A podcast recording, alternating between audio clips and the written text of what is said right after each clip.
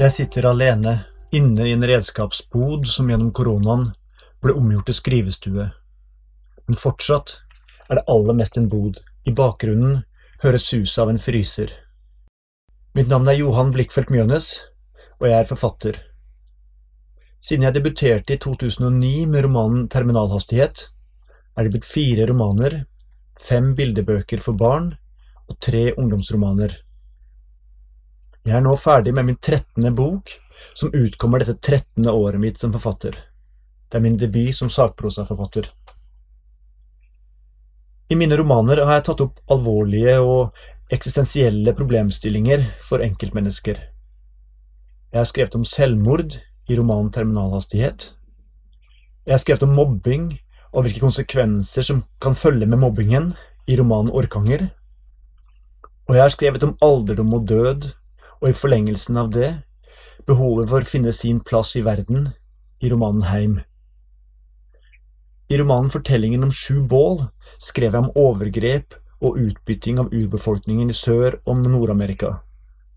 Jeg har ingen poetikk som styrer meg, som leder meg mot disse temaene.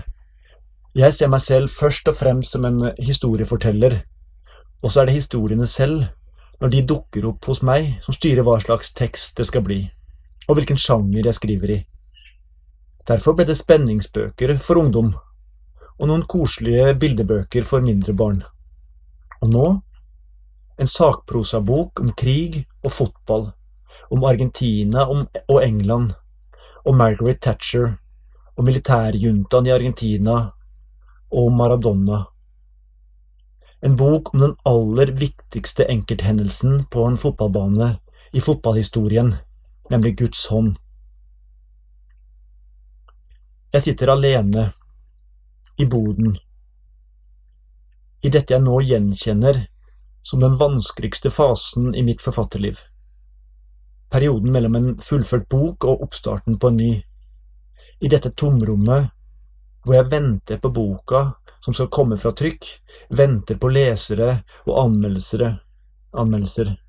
I dette tomrommet jeg vet at jeg bør fylle, bruke på å skrive noe nytt, skrive meg inn i noe nytt, sånn at jeg har noe nytt å fokusere på, og ikke blir opphengt i hva som skjer med boka jeg nettopp er ferdig med, for den er jeg ferdig med. Jeg sitter alene, jeg trives godt alene, inne i boden, eller på lesesalen på Nasjonalbiblioteket, som er mitt andre kontor. Der er det mennesker rundt meg, men jeg er alene, alene med skrivingen, alene med tankene, alene med prosjektene. Å være forfatter er et ensomt yrke. Men ensomhet er ikke nødvendigvis noe negativt, ikke når den er selvvalgt, som en tilbaketrekning, en tid for refleksjon og fordypning. Heller ikke når den er nødvendig, som en reise eller et arbeid. Og jeg er ikke alene. Jeg har familie, jeg har kone og fire barn. Arbeidet mitt skiller seg fra andres arbeid. Ganske enkelt ved at det er mitt, og mitt alene. Selvsagt oppstår aldri en bok eller en fortelling fra et vakuum og blir forløst derfra av forfatteren selv, helt alene. Det er ikke det jeg mener. En god redaktør, gode lesere, et forlag, alt dette gir og er uvurderlig hjelp og støtte. Men i det store og hele er det mitt arbeid. Det er min stemme, min rytme, det er min verdensanskuelse som kommer til syne gjennom bøkene, og gjennom det igjen, når diktningen lykkes, når diktningen er åpen, åpner jeg også for leserens verden, og da blir det som er mitt, vårt. Sånn er min diktning forskjellig fra andres, for den er min, samtidig som det gjelder all diktning, for det er først i møte med en leser som legger seg selv og sin verden inn i teksten, at litteraturen får liv. Det er først da det ensomme arbeidet blir et fellesskap. Jeg sitter alene i boden. I bakgrunnen høres fortsatt lyden av en fryser. Jeg venter på at den skrur seg av så det blir helt stille her inne. Jeg er alene. Men inspirasjon er overalt. Virkelig overalt, hele tiden. Vi bombarderes alle av inntrykk hele tiden. fra filmer og serier, musikk og menneskemøter, fra fortellinger vi hører, samtaler vi overhører på bussen. Overalt er det en summing av liv og død, glede og sorg, fortvilelse og nederlag, og seire og eufori. Inspirasjon er overalt. Det som kanskje er mangelvare, er tid, ro, stillhet. Kanskje mer interessant enn hvor man finner inspirasjon, er hvordan man siler ut det som kan bli fortellinger, hvordan man siler ut det som er virkelig interessant, det som kan bli noe annet, hvordan man kan kjenne igjen det som skal bli en hel fortelling, fra det som bare holder til et avsnitt eller bare en setning. I denne fasen jeg er nå, mellom en ferdig bok og en som bare eksisterer som en vag idé, er nettopp dette det aller viktigste. Å sjalte vekk alt annet enn det, den ene ideen som kan bære en hel fortelling. Jeg ser meg som en historieforteller, og jeg har stor tro på fortellingens kraft, at det er sånn vi mennesker lærer og utvikler oss og møter hverandre gjennom små og store fortellinger, og det er sånn, gjennom å fortelle, gjennom å skape fortellinger som lever videre i et annet menneske, som igjen genererer nye fortellinger, at litteraturen blir viktig og virksom i samfunnet. Det begynner å bli mange år siden mine første bøker kom ut. Orkanger, som er en roman om en mobber og et mobbeoffer, kom i 2010. Det er en bok som fortsatt lever, som fortsatt virker ute i samfunnet. Utvidet pensum for enkelte lærerstudenter, som del av en større samtale om hvordan vi mennesker, hvordan barn forholder seg til hverandre.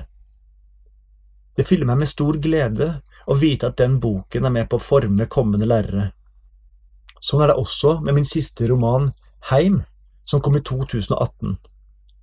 Her følger vi en gammel mann gjennom det siste døgnet av hans liv. På sykehjemmet følger vi ham gjennom stell og mating, mens bevisstheten glir frem og tilbake i tid, til barndom og oppvekst og familieliv på en gård i Trøndelag. Denne boken var med på å åpne mange samtaler blant sykepleiere og andre som jobber med eldre, og er også blitt en del av et utvidet pensum innenfor geriatrien. Jeg skal nå lese åpningen fra romanen Heim, en åpning som nærmer seg sakprosaen, men som likevel ikke er det, men kanskje, uten at jeg visste det da, pekte frem mot den sakprosaboken jeg akkurat er ferdig med.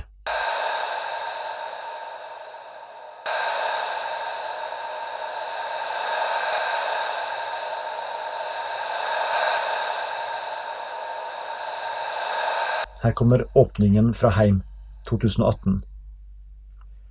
Smale hender med hud av gult glass. Hjertet stanser. Pusten stanser. Blodet slutter å sirkulere, og cellene mister sitt oksygen.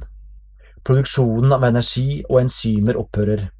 Melkesyreinnholdet øker og musklene stivner. Først rundt øynene, så nakken, kjeven, armene, resten av kroppen helt til cellenes indre struktur selv går i oppløsning. Vevet faller fra hverandre, flyter ut og igjen mykner musklene i kroppen, i armene, kjeven, nakken og til sist rundt øynene. Bakterier overtar og spalter karbohydrater, fett og proteiner til melkesyre, fettsyre, eddiksyre, propionsyre, alkohol, aceton. Proteiner spaltes og danner likgifter, putresin og kadaverin. Svovelatomer endrer fargen og marmorerer huden, gjør den oransje, gul, brun, lilla. Og fluene legger egg i hodeskallen, i øyehulen, i nese, munn, til det svermer av maggot, til det vrir og bukter seg i grønne og hvite og gule og feite larver som fortærer vevet mens gassene fyller kroppen, blåser den opp, stram og hard og glatt til den endelig revner huden, magesekken, fingrene, lårene, alt revner og svart, nitrogenrik væske flommer ut av kroppen, trekker ned i furuplankene i kista, og får også dem til å råtne raskere, gjør plankene til jord, gjør alt som var kjøtt, som var nerver og sener, som var negler og hår, som var fett, til svart og feit jord. Langsomt, år for år, til man igjen er en del av den jorda livet ble brukt i kamp med, og alt som er igjen, er de kalkoldige bitene av knoklene.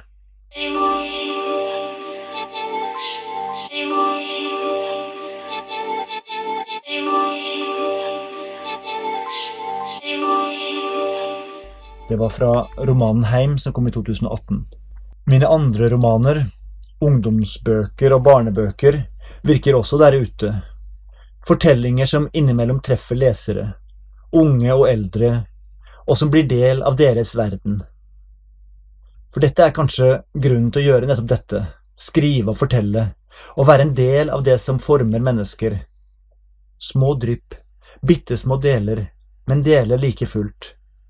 Som alt jeg har sett og alt jeg har hørt, alt jeg har lest og alt jeg har berørt, er blitt en del av meg. Og sånn sett er jeg ikke alene her i boden. Jeg har med meg et kor inn, men skal forsøke å destillere til fortellinger. Og mine fortellinger skal på sin side ut og bli del av det samme koret. Jeg er ferdig med min første sakprosabok.